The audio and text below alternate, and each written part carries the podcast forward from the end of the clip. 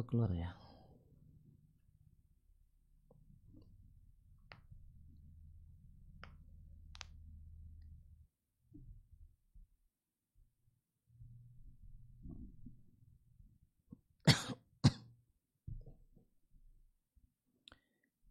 Innal hamdalillah nahmaduhu wa nasta'inuhu wa nastaghfiruh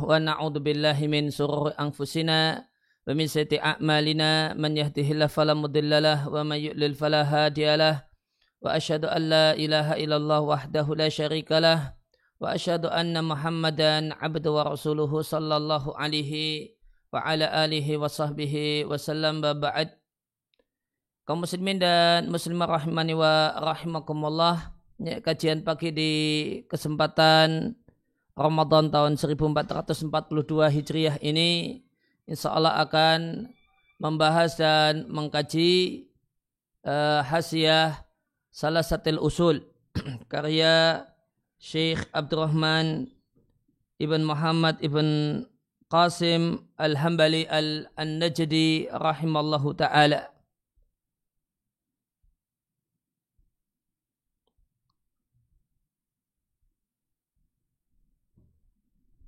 Ya, kita langsung masuk pada ini ada ta'rifun wa taujihun pengenalan dan arahan ya, ada kutipan perkataan musannib saya Muhammad uh, qaddasallahu ruhahu beliau sampaikan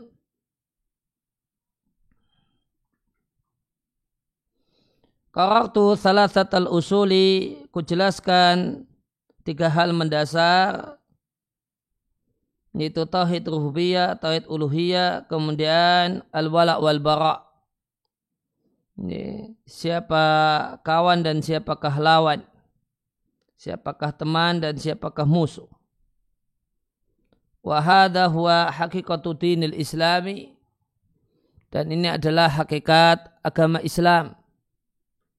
Ya, mengenal keesaan Allah dalam rububiyah, keesaan Allah dalam ibadah, dan mengenal siapakah kawan dan siapakah lawan.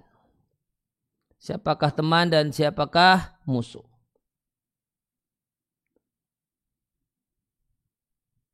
Walakin kif ingda hadil al-fadhi namun berhentilah kemudian Berhentilah di setiap kata-kata ini, setiap istilah-istilah ini, kemudian carilah kandungannya dari aspek ilmu dan amal.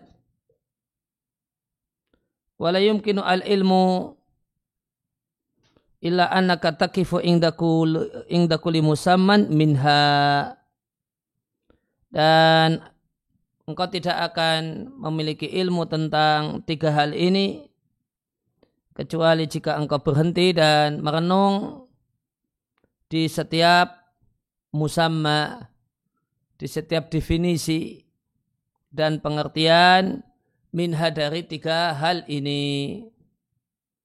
Maka seorang itu mengetahui al-ism, mengetahui nama atau al-alfad, dengan mengetahui musamma pengertian dan maksudnya intah sekian kutipan.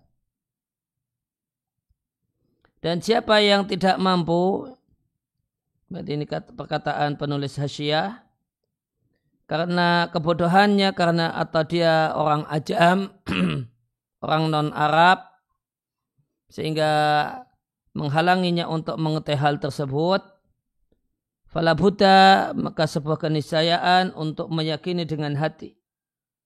Dan mengatakan dengan lisan sesuai dengan kemampuan. Setelah dijelaskan padanya tafsir dan pengertian dari la ilaha illallah Muhammadur Rasulullah. Wa anna ma ja'a bihaqqun wa wa kula dinin siwahu batilu Dan setelah meyakini bahasanya semua yang dibawa oleh Rasulullah Sallallahu Alaihi Wasallam itu benar dan semua agama selain Islam, selain agama Nabi Shallallahu Alaihi Wasallam itu batilun adalah agama yang yang batil, agama yang tidak benar.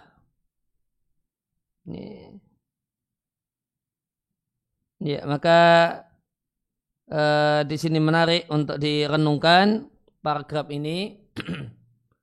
Beliau sampaikan bisa kita katakan ya, standar minimalis untuk akidah bagi orang awam. Ini standar minimalis untuk akidah bagi orang yang ya, orang awam yang identik dengan kebodohan tentang agama. Maka tadi beliau sampaikan man ajaza li jahlihi.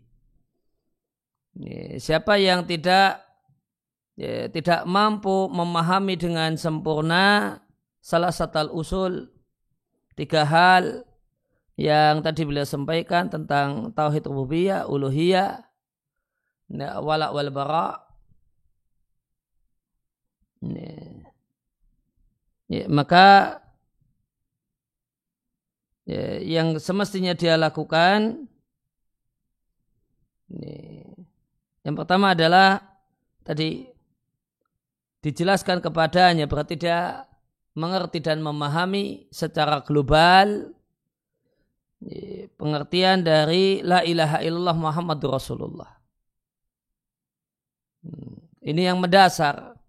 Ini ini akidah mendasar untuk orang awam, untuk amatun nas, ya, jahalatun nas, ya, adalah mengerti secara global makna la ilaha illallah Muhammadur Rasulullah.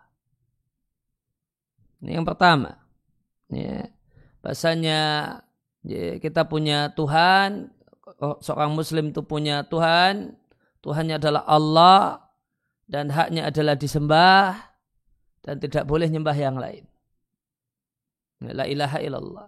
Kemudian kita ini memiliki Rasul, dia adalah Muhammad, dia utusan Allah, orang yang Allah muliakan dengan wahyunya, dan semua yang beliau katakan adalah satu hal yang benar dan kita wajib taat dengan perintah dan larangannya.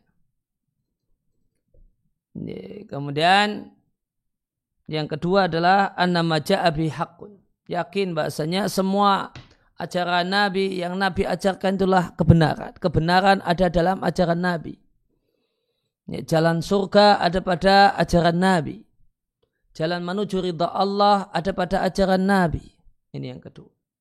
Kemudian yang ketiga, semua agama selain yang Nabi ajarkan, berbagai macam isma-isma, berbagai macam agama, itu kebatilan. Itu bukan jalan keselamatan. Ini, ini itu bukan jalan surga. Ini wajib dari keyakinan setiap muslim. Bahasanya Islam jalan kebenaran satu-satunya. Ya, di luar Islam tidak ada di sana jalan kebenaran. Ini wajib diyakini oleh setiap muslim. Tidak sah keislaman tanpa keyakinan ini. Hmm. Ya. Namun ini, ini dataran keyakinan bukan berarti uh, kemudian kita berbuat zalim main pukul dengan orang yang beragama di luar Islam. Namun ketika non muslim itu tetangga dalam Islam dia punya hak satu hak hak tetangga ya, ya, yang disikapi dengan baik ya dan ya, dan di, mendapatkan interaksi baik dari kita dan seterusnya. Namun dalam masalah keyakinan kita yakin semua agama selain Islam adalah jalan ye, ye, adalah jalan kebatilan adalah satu kebatilan. Kemudian setelah tiga poin ini tadi ayat takidah biqalbihi wa yakula bilisanihi hasaba taqatihi. Meyakini tiga hal di atas. Ini meyakini tiga hal di atas. Bahasanya Allah lah yang mencipta, Allah lah yang memiliki dan mengatur jagat raya itu rububiyah. Kemudian masalah tauhid uluhiyah, ibadah hanya untuk Allah Subhanahu wa taala. Kemudian meyakini al-wala wal bara. Ini, bahasanya semua muslim itu saudara. Ini, apa pun ormasnya, apa pun ininya selama tidak batal keislamannya, maka dia saudara. Dan dan bahwasanya uh, eh, non muslim itu bukan saudara. Orang musyrik itu bukan saudara dalam agama. Meskipun boleh jadi dia statusnya tetangga dan yang lain yang tetap mendapatkan sikap-sikap baik kita, gitu. namun dia bukan bukan saudara dalam agama. Ini itu untuk man ajaza lijahlihi, berarti untuk untuk orang awam. Ini panduan dasar atau kemudian akidah minimalis untuk orang awam. Ini. Kalau kalau orang itu mampu untuk belajar, mentelaah, kemudian ya, mendengar dalil, maka itu idealnya. Non jika tidak, maka asalkan di pada dirinya ada poin-poin tersebut, maka dia seorang muslim yang bagus akidahnya.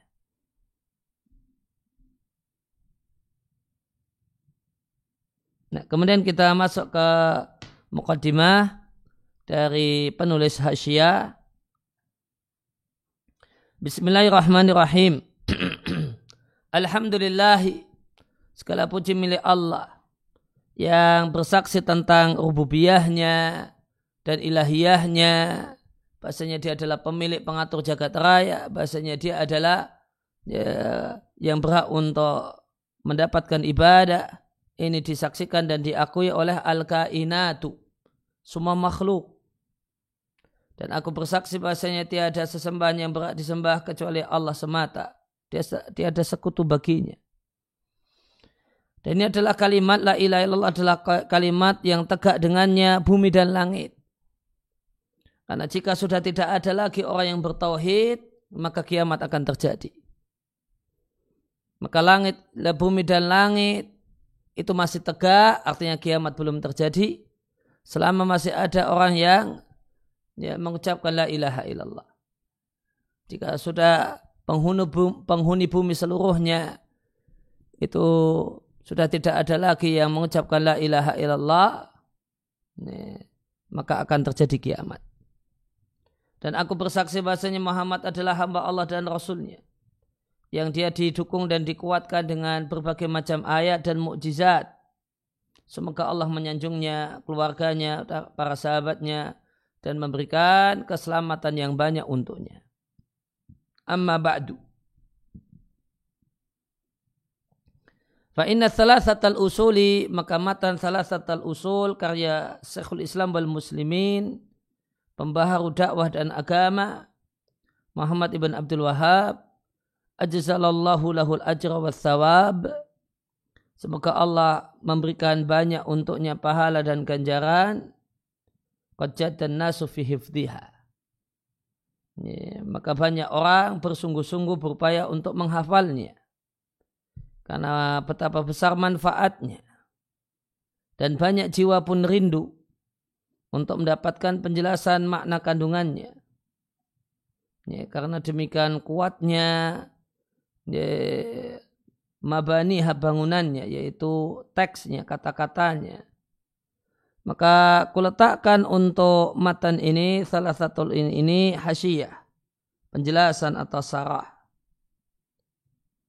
Ya, ya,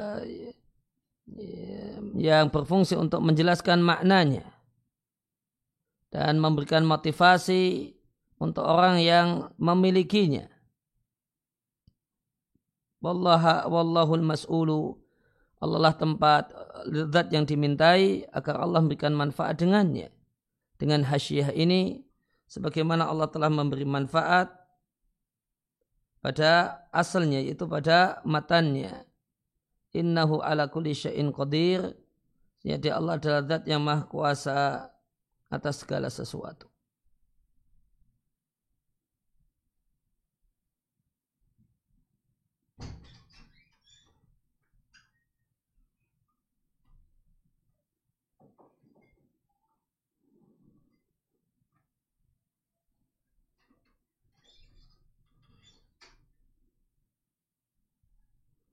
Nah, kemudian kita masuk pada penjelasan di bagian atas adalah matan salah satu usul. Kemudian di bawahnya adalah penjelasannya. Bismillahirrahmanirrahim. I'lam rahimakallahu annahu yajibu alaina ta'allumu arba'i masailah. Ketahuilah semoga Allah melimpahkan rahmatnya untukmu. Sehingga kita semua memiliki kewajiban ya, mempelajari empat hal. Maka di sini musannib uh, qala syarih rahimallahu taala Ibtada al-musannifu maka penulis matan rahimallahu taala membuka kitabnya dengan basmalah dalam rangka meneladani Al-Kitabil Aziz, Al-Quran, yang dibuka dengan suratul Fatihah dan diawali dan surat Al-Fatihah diawali dengan Bismillahirrahmanirrahim. Yang kedua dalam rangka beruswah meneladani Nabi Shallallahu Alaihi Wasallam dalam tulisan-tulisan beliau dan surat-surat beliau.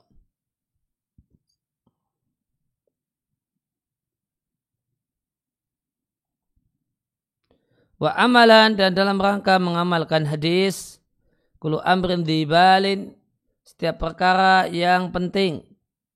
Ai bal di sini artinya berarti dibal artinya dihalin wa sya'nin. Ya, memiliki keadaan dan uh, kedudukan. Yuhtamu bihi syar'ah. Sehingga itu perkara tersebut mendapatkan ihtimam, perhatian secara syariat. Lantas tidak dimulai dengan bismillahirrahmanirrahim fawa aqta. Maka dia terputus dalam riwayat yang lain ajdam maknanya sama terputus dalam riwayat yang lain abtar terputus. Wal makna min jami'i riwayati dan makna di semua versi riwayat akta, ajzam dan abtar semuanya maknanya sama yaitu tidak sempurna keberkahannya. Ya. Nah dan hadis ini ya la yubda'u uh, kul amrin dibalin diperselisihkan ulama ya, daif atau kahasan dinilai daif oleh Al-Albani dan dinilai hasan oleh Sa'ib Ibnu Bazin ya rahimallahu al-jami' bagaimana ada di macam fatwa beliau di jilid yang ke-25 beliau Sa'ib Ibnu Baz rahimallahu taala ditanya tentang hadis kulu amrin dibalin la yubda'u fihi bismillahirrahmanirrahim fa abtar aqta ajdam Jawaban Sa'ib Nubas, ja'a hadithu min tariqaini. Hadis ini punya dua jalur, atau aksara atau lebih. Yang dihatkan oleh hadis ini dihatkan oleh Ibnu Hibban dan yang lainnya. Waqat do'afahu ba'du ahli ilmi. Sebagian ulama menilainya da'if. Wal akrabu annahu min babil hasani li ghairihi namun pendapat yang lebih mendekati derajatnya adalah hasan li ghairihi wa billahi taufiq.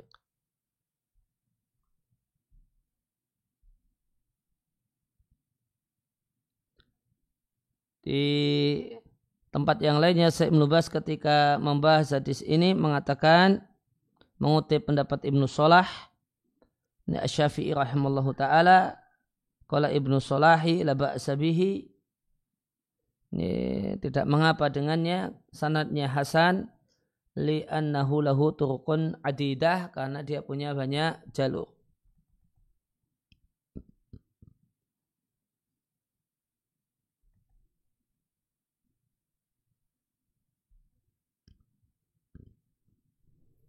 Nah, kemudian wal bada'atu biha dan dimulai dengan bismillah itu litabaruki untuk mencari berkah dan dalam rangka minta tolong dan bantuan untuk terwujud dan terlaksana dan lancarnya hal yang mendapatkan perhatian. Dan penulis itu mencukupkan diri dengan basmalah tanpa ada tambahan bacaan yang lainnya karena dia karena basmalah itu min ablaghi thana'i wa dzikri. Sudah kemudian sanjungan yang maksimal dan zikir yang sudah maksimal. Ditambah lil khobari karena hadis yang tadi derajatnya Hasan tadi. Ketahilah, ketahilah adalah uh, fi'il amr dari kata-kata uh, dari kata al ilmu dan ilmu adalah hukmu dhihni al jazimi. Ini ilmu adalah sesuatu yang ada di benak dan dia tegas tanpa ragu.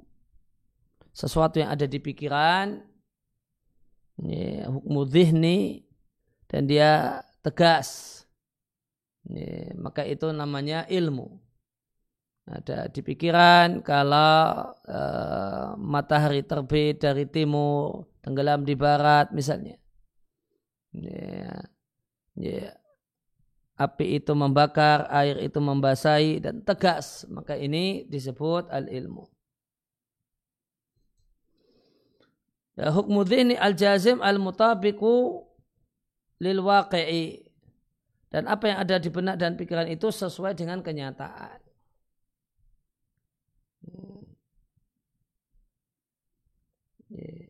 Maka kalau tidak ada di benak dan di pikiran, nah, itu namanya kebodohan. Kalau tidak ada jazim, tidak ada tegas, maka di situ statusnya bukan ilmu namun syak, ragu-ragu, Ya, kalau tidak sesuai dengan realita, ya, namanya sok tahu. Ini namanya sok tahu, namanya jahal murokab. Ya, kalau tidak ada hukmu dhihni, nah, itu namanya jahlul basit. Ya, kebodohan yang sederhana, yaitu tidak tahu. Kalau tidak ada jazim, berarti ya, ragu-ragu, bimbang. Dan kalau tidak memenuhi unsur mutabik lil waqi, nah ini namanya jahal murokab. Yang terjebak bebasnya adalah sok tahu. Maka iklam artinya kun mutahayian. Jadilah engkau orang yang siap-siap dan berupaya memahami berbagai macam ilmu yang akan yulqa ilaik disampaikan kepadamu dan kata-kata ini iklam itu dibawakan ketika menyebutkan akan menyebutkan hal-hal yang penting. Yaitu hal-hal yang sepatutnya seorang pelajar itu pasang telinga baik-baik ilam mayulqa ilaihi minha. Ilmu-ilmu yang akan disampaikan kepadanya. Wa makararhul musannifuhuna dan penjelasan musanib di sini tentang usuluddin, hal-hal yang mendasar dalam agama, hakikun berhak dan layak untuk mendapatkan perhatian, royatal ihtimam, betul-betul perhatian. Wayatani bihi, dan perhatian dengannya asyad al-i'tinai, betul-betul perhatian. Dan pasang telinga baik-baik, hakikatal izra'i betul-betul pasang telinga baik-baik. Kemudian rahimakallah itu hanya adalah doa unlaka birahmati. Doa kebaikan untukmu wahai para pembaca agar mendapatkan kasih sayang Allah Subhanahu wa taala. Maka doaun itu ada doaun laka dan ada doaun alaika. Doa kebaikan atau untukmu atau doa keburukan untukmu. Jika pakai laka, la, maka itu kebaikan. Jika pakai ala, itu ya, keburukan. Dan jika seorang itu mengucapkan rahimakallah atau rahikum, uh, rahimakumullah, misalnya, maka itu mengandung dua unsur.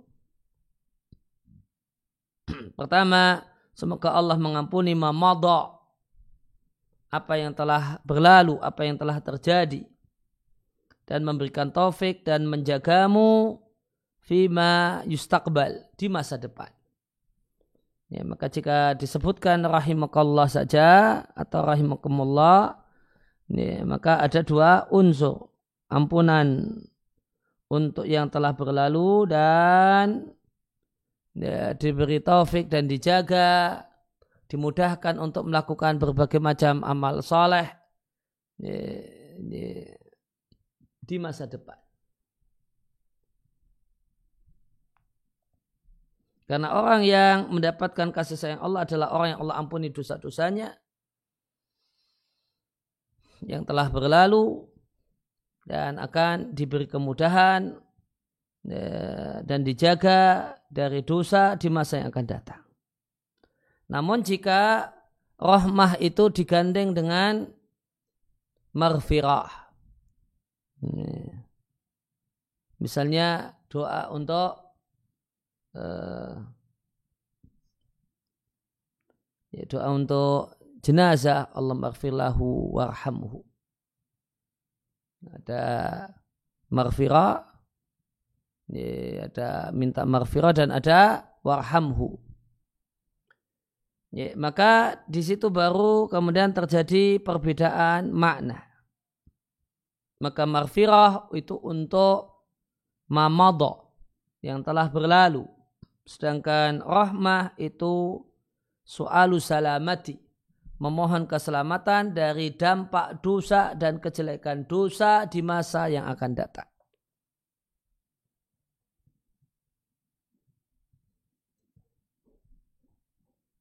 Ya, sehingga marfirah dan rahmah itu termasuk kalimatani. Ida istama'ata iftarokota wa ida iftarokota istama'ata dua kata yang jika dua kata tersebut kumpul bareng di satu teks maka maknanya beda-beda. Marfirah itu mamadha sedangkan rahmah itu ya, marfirah itu untuk masa lalu sedangkan mar, rahmah itu untuk masa depan. Tapi kalau cuma disebut rahmah saja ya, ya, disebut rahmah saja maka mengandung dua-duanya. Dan sering kali ya, wa kathiran ma sering kali Musanib rahimallahu ta'ala menggabungkan. Ketika beliau memberikan arahan kepada penuntut ilmu atau pembaca bitakrir al-usulil muhimmah. Ketika mau menjelaskan hal-hal yang penting maka beliau akan gabungkan bainaha wa baina du'a ilahu ya, antara ya, iklam sama doa.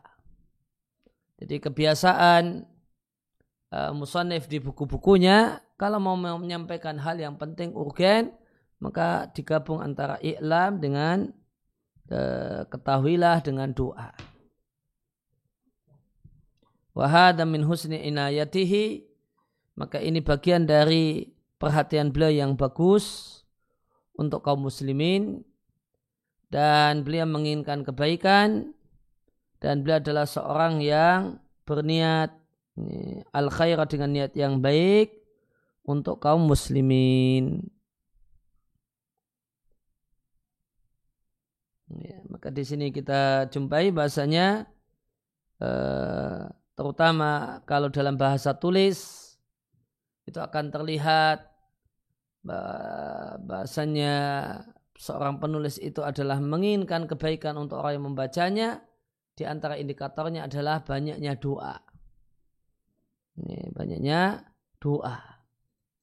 Oleh karena itu ketika seorang itu mau menasihati pihak-pihak tertentu, ya, ini nasihat bukan mau menghabisi, bukan mau mencaci, namun mau menasehati pihak-pihak tertentu dengan Eh, dengan tulisan baik itu surat terbuka ataukah bukan surat terbuka ya, maka semestinya ya, ketika menyampaikan itu banyak doa.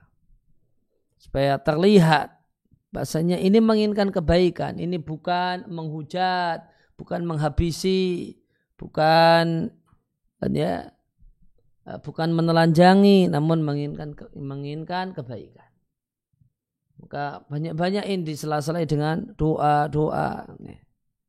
Karena memperbanyak doa di tulisan itu menunjukkan kalau orangnya ini e, nasihat, mainkan kebaikan.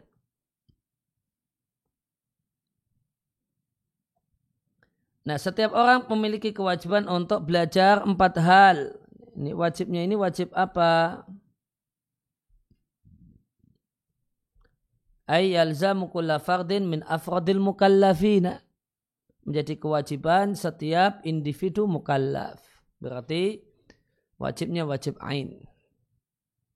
Laki-laki ataupun perempuan, merdeka ataupun budak, ya punya kewajiban wajib ain belajar empat hal. Masail jamak dari masalah. Dari kata-kata diambil kata-kata soal.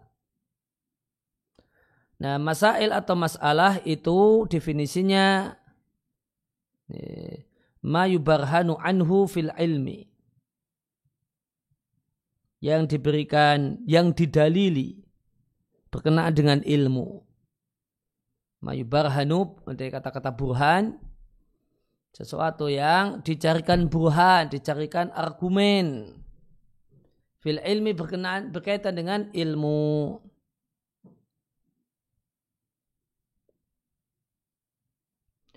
Dan wajib, ini tadi wajib mempelajari empat hal dan wajibnya wajib ain. Apa itu wajib? La yu'daru ahadun bitarkihi ilmu yang uh, wajib itu adalah sesuatu yang tidaklah dimaklumi orang meninggalkannya, orang yang meninggalkannya. Menurut para ulama usul fikih, wajib itu diberi pahala pelakunya dan akan diberi hukuman orang yang meninggalkannya. Maka menjadi kewajiban in, uh, setiap individu dari kita mengilmui, berilmu tentang empat hal ini.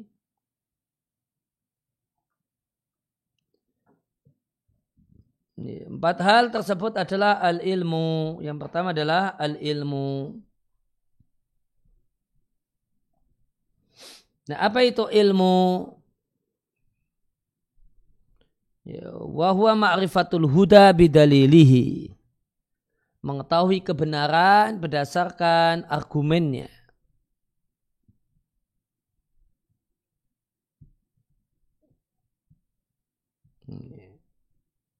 Maka kalau tidak mengetahui kebenaran, nah itu kebodohan.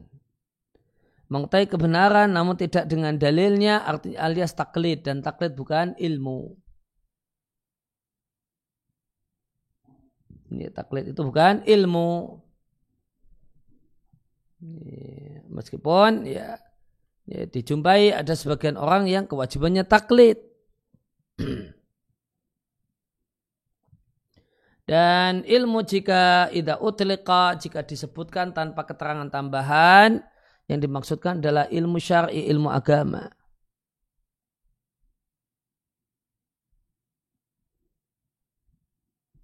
apa definisi ilmu agama? Ya, ilmu agama adalah ilmu yang mengetahuinya akan memberikan faedah.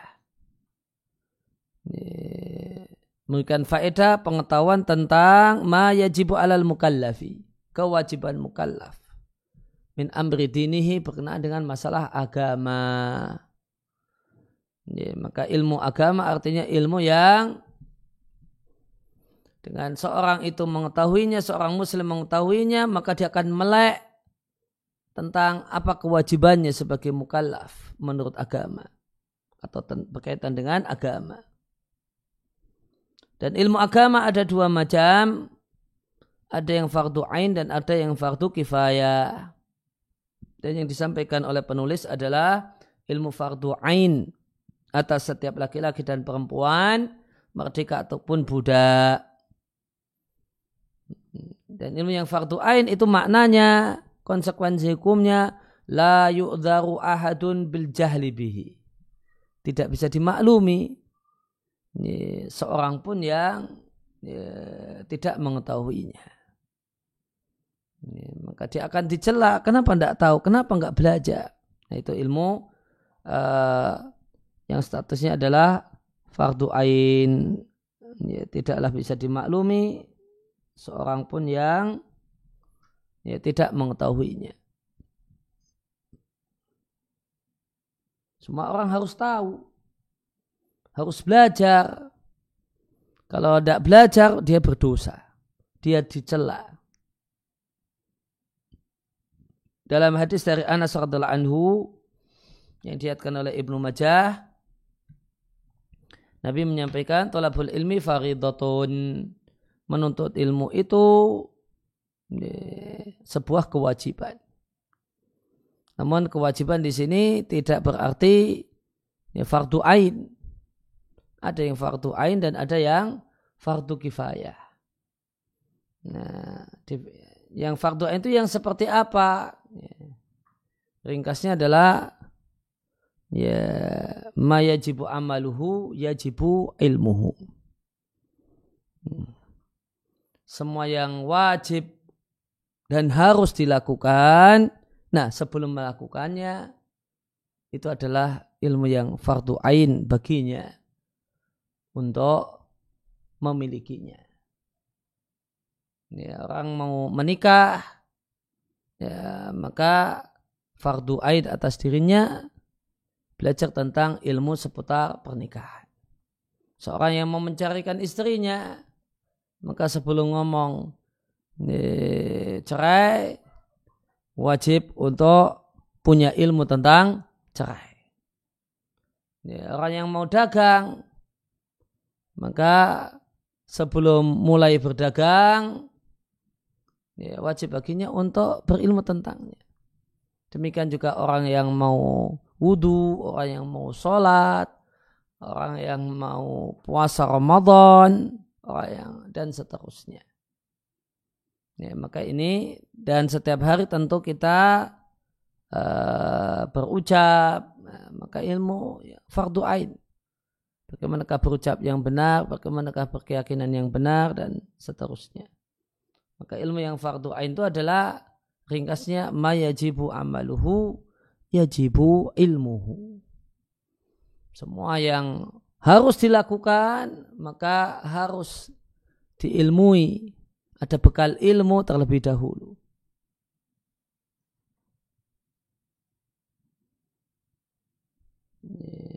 Prinsipnya sebagaimana perkataan Al-Bukhari, al-ilmu kebal al-qawli wal amali. Berilmu itu sebelum berucap dan sebelum berbuat. Dan ini satu hal yang sudah jamak di dunia pengajian, di anak-anak pengajian. Namun realita menunjukkan bahasanya diucapkan itu belum tentu dipraktekkan. Nah, sudah jamak, ini sudah jadi kaedah. Nanti betapa banyak orang yang komentar sebelum punya ilmu, ya bikin uh, status uh, Facebook dan yang lainnya, ngomong di medsos tentang satu hal sebelum punya ilmunya dan seterusnya. Hmm. Maka ketika diingatkan tentang al-ilmu kebalal wal amal, ya, maka banyak orang kemudian tertujunya kepada orang yang belum tersentuh dunia pengajian. Image-nya langsung demikian. Padahal ternyata termasuk yang paling sering melanggarnya adalah orang-orang yang sudah kenal dunia pengajian. Ngomong tentang satu hal tanpa ilmu. Ngomong tentang satu masalah, jadi itu masalah besar dalam agama, masalah tentang vonis kafir, masalah tentang ini dan itu, sudah lantang berteriak, padahal belum belajar, belum mapan belajarnya, belum tuntas belajarnya. Atau kemudian bicara tentang masalah politik, masalah ekonomi, dan tidak uh, punya basic uh, pengetahuan di bidang itu.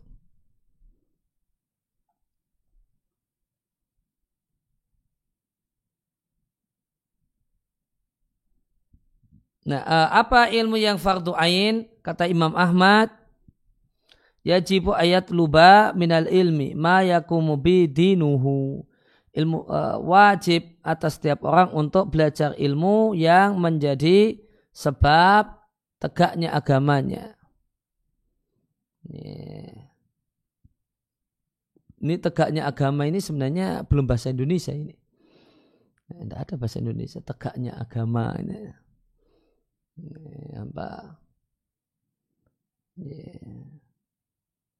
Kalau mungkin bahasa Indonesianya ya bisa dia ya, beragama dengan baik, nah, bisa menjalankan kewajiban agama sebagaimana mestinya. Ini tegak itu ya sebagaimana mestinya dengan baik, nah, itu tegak itu. Kemudian ditanyakan kepada Imam Ahmad, mislu ayu contohnya seperti apa? Ya, maka Imam Ahmad mengatakan ilmu yang fardu ain adalah ilmu yang alladzi la yasu la yasa'ahu jahluhu, yang tidak boleh baginya tidak tahu.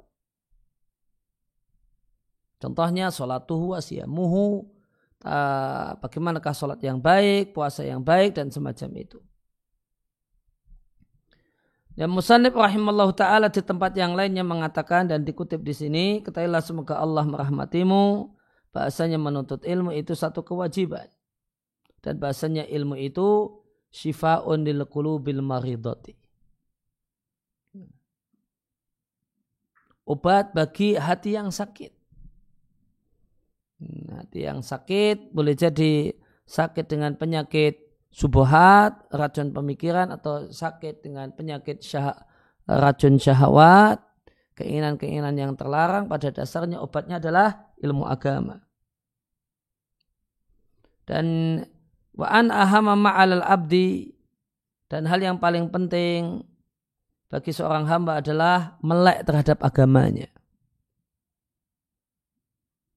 Kenapa hal yang paling penting adalah melek agama? alladhi ma'rifatuhu wal amalu bi sababun lidukhulil jannati. Karena melek dengan agama itu karena mengenal agama kemudian mengamalkannya itu sebab masuk surga. Itu alasan kenapa hal yang paling penting bagi seorang manusia adalah mengenali agamanya dan melek dengan agamanya. Kenapa? Karena dengan melek dengan agama kemudian mengamalkannya itu sebab masuk surga. Perhatikan. Ya, maka sebab masuk surga tidak hanya berhenti di melek terhadap agama. Ya, rajin pengajian. Tidak berhenti di situ. Namun ma'rifatuhu wal amalu bihi. Namun ma'rifatuhu wal amalu bihi. Ya, mengenal agama, melek agama, rajin ngaji, rajin kajian, setelah itu mengamalkan apa yang dipelajari. Berkenaan dengan akidah, dengan diyakini, berkenaan dengan ibadah, dengan dilakukan, berkenaan dengan akhlak mulia, dengan dipraktekkan.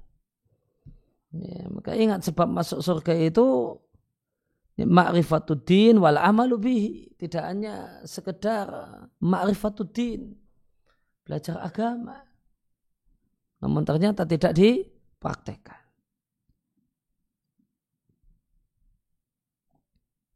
Kemudian beliau katakan wal jahlu bi wa ido'atuhu kebalikan dari ma'rifat berarti jahil. Kebalikan dari amal berarti ido'ah. Hmm. Maka ketidaktahuan terhadap agama wa ido'atuhu dan menelantarkan agama dengan tidak diamalkan adalah sebab masuk neraka semoga Allah lindungi kita darinya. Maka perhatikan kebodohan terhadap agama itu bukan sebab masuk surga. Namun sebab masuk neraka. Sebagaimana sebab masuk surga itu makrifatuhu, makrifatuddin. Maka orang tidak boleh kemudian berprinsip Eh, saya tidak perlu cari ilmu, saya tidak perlu rajin belajar, eh, saya jadi orang bodoh saja, nanti masuk surga. Nah, nah, tidak demikian. Karena al-jahlu bihi, tidak mengenal agama, blank tentang Islam, nah, itu sebab masuk neraka, bukan sebab masuk surga.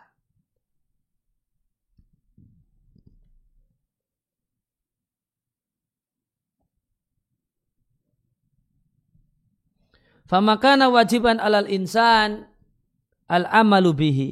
Maka semua yang wajib dilakukan oleh seseorang. Nah, maka tadi ringkasnya tadi mayajibu amaluhu yajibu ilmuhu. Maka wajiban alal insani al amalu bihi. Semua yang wajib dilakukan oleh seseorang. Semacam pokok-pokok iman wajib diyakini wa syara'i'il Islam dan pokok-pokok syariat Islam wajib dilakukan. Demikian juga ma yajib ijtinabuhu minal muharramat. Hal-hal yang haram yang wajib dijauhi. Wa ma ilaihi fil muamalat. Dan berbagai macam transaksi yang dibutuhkan dalam kesehariannya. Wa nahwu dan hal-hal yang lain. Mimma la yatimul wajibu ila bihi. Yang merupakan sarana-sarana untuk melakukan kewajiban. Fawa wajibun alaihi al ilmu bihi maka wajib atas setiap orang untuk berilmu tentangnya maka di sini disampaikan contoh ilmu yang fardu ain ini contoh ilmu yang Fardu ain yang pertama adalah usulul iman. Dasar-dasar keimanan dan akidah. Ini yang pertama. Maka akidah dasar itu ilmu fardu ain. Dan di antara akidah dasar ya, ya buku yang sedang kita pelajari di hari-hari ini. Ya, kandungan ya, kandungan dari matan salah, satu usul itu mengandung usulul iman. Maka kandungan salah satu usul itu ilmu yang fardu ain untuk dipelajari. Perhatikan, saya tidak mengatakan belajar ilmu salah satu usul itu fardu ain. Namun kandungan salah satu usul itu ilmu yang fardu ain. Artinya ya bukunya tidak harus ini, namun isinya dapat. Bukunya tidak harus ini yang dipakai boleh buku yang lainnya namun isinya dapat kandungan salah satu usul itu ilmu fardu ain kemudian yang kedua pokok-pokok syariat Islam ya dalam hal ini pokok-pokok ibadah itu satu hal ilmu yang hukumnya fardu ain belajar tentang masalah puasa, ya, tentang sholat, wudhu. Ini ilmu fardu ain. Kemudian mayajibu istinabu minal muharramat. Belajar tentang larang-larangan Allah itu apa saja dalam hidup ini. Belajar tentang hal-hal yang haram. Belajar tentang hal-hal yang haram. Maka di antara ilmu yang fardu ain itu ya, pelajaran ya, al-kabair. Ya, belajar tentang ini dosa-dosa besar. Itu termasuk ilmu yang fardu ain. Jangan sampai seorang muslim tidak tahu. Dan tidak boleh seorang muslim tidak tahu. Mencuri itu apa. Tidak tahu kalau Allah mengharapkan mencuri dan mencuri itu apa. Allah mengharamkan zina dan zina itu apa? Maka kita uh, wajib mengetahui ya, kalau Allah itu mengharamkan mencuri dan kita wajib tahu apa itu mencuri. Ya, maka belajar al-muharramat ya, untuk supaya supaya kita mengetahui pengertian tahu kalau itu terlarang dan apa pengertiannya dan apa maksudnya termasuk ilmu yang fardu ain. Maka belajar al-manhiyat, hal-hal yang terlarang, nah itu termasuk ilmu yang fardu ain. Dan al-manhiyat itu salah satu bab besar dalam Riyadus Salihin. Kitab Riyadus Salihin terdapat uh, di dalamnya beberapa kitab. Nanti kemudian kitab-kitab tersebut terbagi menjadi bab-bab maka di antara kitab dalam kitab Riyadus Salih yang tadi saya terjemahkan dengan apa uh, bab besar.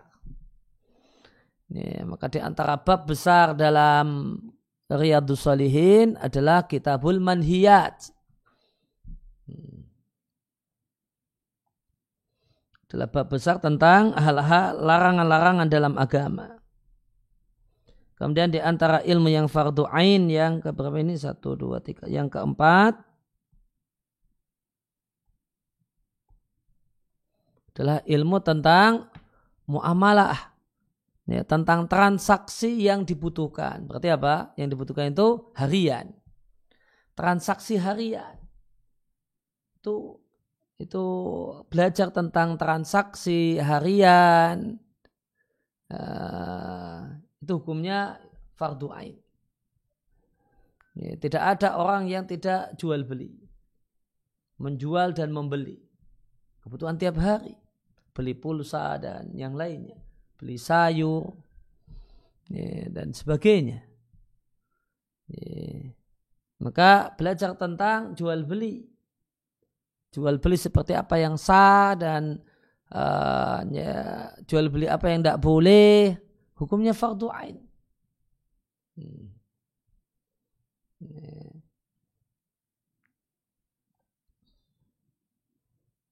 Yang kemudian ya intinya tadi maya jibu amaluhu yajibu ilmuhu. Sesuatu yang harus dia lakukan atau yang perlu dia lakukan, maka wajib berilmu tentangnya. Kalau kemudian mau jual beli online, maka fikih jual beli online itu hukumnya ilmu fardu ain. Kalau itu ilmunya fardu ain kan berarti konsepnya tidak boleh bertindak sebelum berilmu terlebih dahulu. Tapi betapa banyak anak pengajian yang sudah sibuk dengan uh, uh, dengan bisnis online padahal belum ngaji fikih jual beli online. Berarti al ilmu kebilal kaul wal amal itu yang melanggar itu yang orang-orang yang sudah pada tahu itu. Ya, orang-orang yang sudah pada tahu itu. Sudah tahu kaidahnya al ilmu kebilal kaul wal amal. Namun nyatanya langsung sibuk uh, dengan toko online sebelum belajar ya, fikih jual beli online. Hmm. Kemudian melakukan uh, jual beli transaksi emas online padahal belum belajar tentang hukum jual beli emas online. Hmm. Eh, dan uh, dan ini anak pengajian ini. Dan setelah itu, setelah terlanjur, kemudian uh, kemudian yang terbebani ustadznya. Ustadz saya sudah terlanjur beli emas online. Nah, dan ini anak pengajian. Terus gimana saat emasnya? Emasnya digimanakan? Lah kenapa kemarin gak tanya? Nah, setelah tanya ustadznya yang dibebani. Ini terus gimana saat emasnya? Ini anak pengajian. Padahal udah tahu al ilmu kebalal wal amal. Lah, lah kenapa? Ya, ya. Maka yang paling sering melanggar al ilmu kebalal wal amal itu adalah orang yang sudah tahu kaidahnya. Maka ketika kita membahas al ilmu kebalal kawal amal itu jangan koneknya orang awam, orang yang nggak pengajian. No, pelanggarnya itu malah anak-anak pengajian.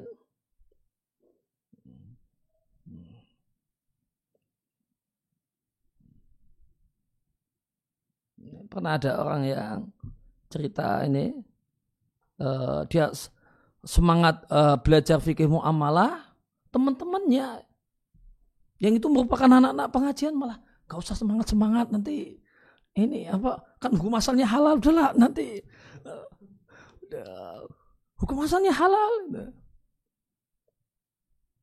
hmm. udah gak usah semangat semangat ya gitu hmm. jadi ini ini kasus real ini di dunia orang yang ya, katanya ngerti pengajian dia, dia mau dia mungkin pemain baru dalam dunia bisnis itu dia sibuk dulu tanya. Loh temannya yang berjenggot-jenggot itu malah kemudian gembos. Jangan gitu loh. Eh, gue masalahnya halal kok ini gak usah ini banyak tanya. Nah, nanti susah gitu gitu lah. Intinya nasihatnya gitu. Dari teman-temannya yang berjenggot ini. Gak usah uh, apa, uh, apa rajin-rajin rajin-rajin tanya nanti kamu susah gitu. Nanti kamu susah. Nah ini kan pelanggaran terhadap ya, ilmu fardu ain itu kan pelanggaran terhadap kaidah al ilmu kebalal kawal amal gitu.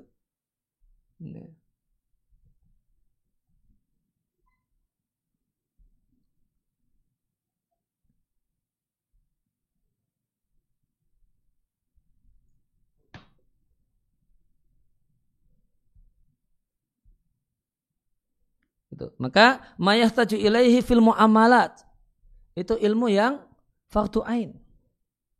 Terus wa nahu dzalika mimma la yatimul wajibu ila bihi. Kemudian hal-hal yang lainnya yang merupakan sarana untuk melakukan hal yang wajib.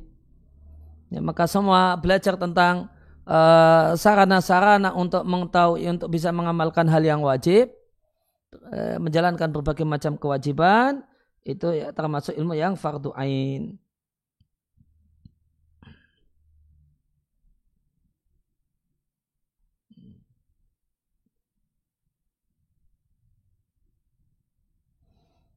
Nah, kemudian bikhilafi al-qadr al-zaidi ala ma yahtaju ilaihil muayyanu. Lain halnya dengan kadar yang lebih dari kebutuhan yang dibutuhkan oleh al-muayyanu person tertentu.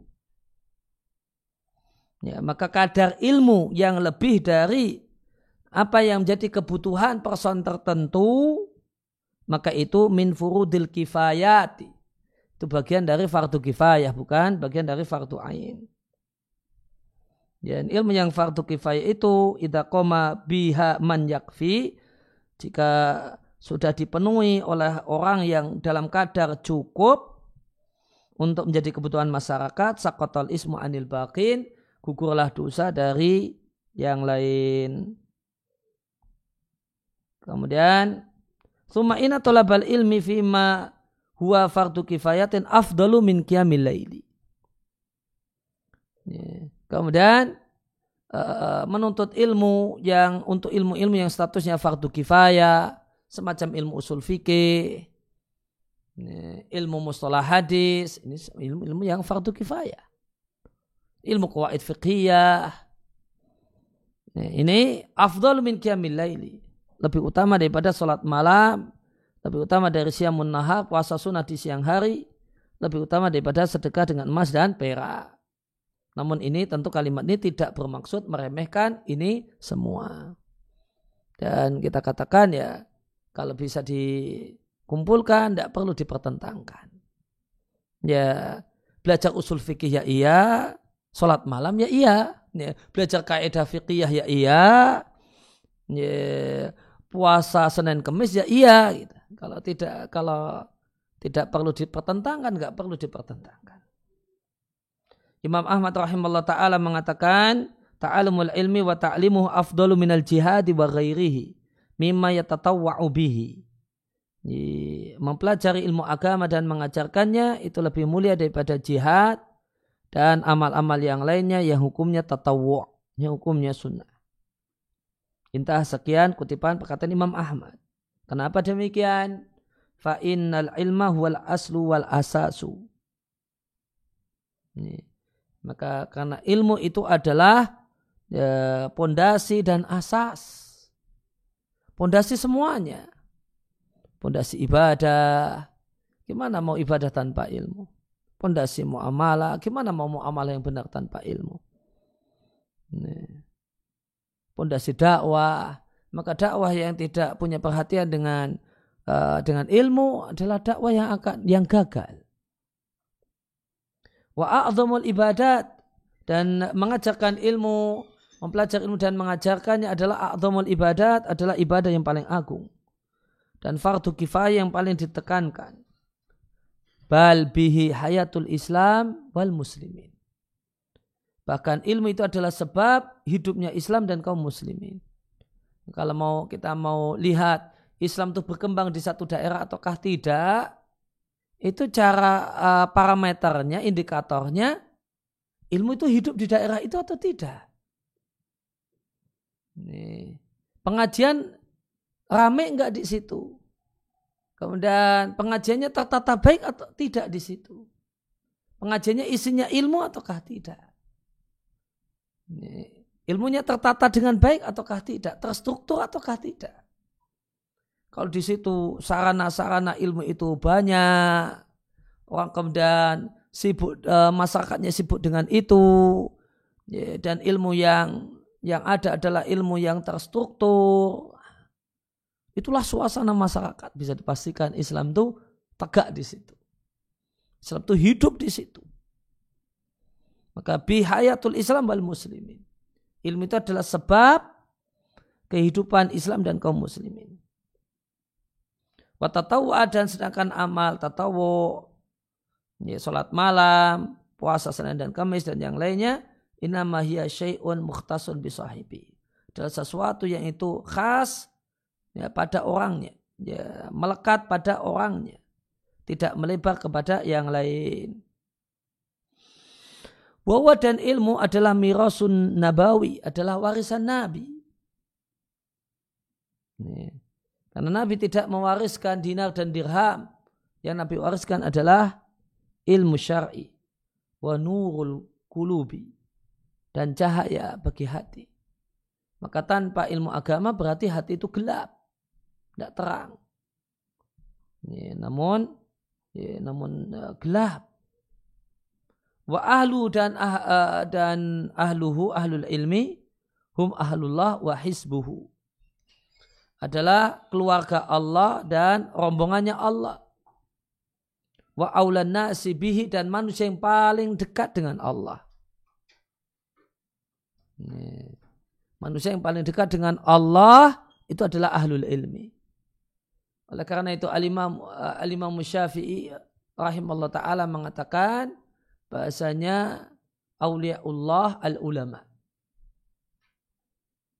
yang namanya kekasih Allah itu adalah para ulama, orang yang berilmu dan mengamalkan ilmunya. Itu kekasih Allah. Itu itu kekasih Allah. Maka sini disampaikan aulan nasi bihi.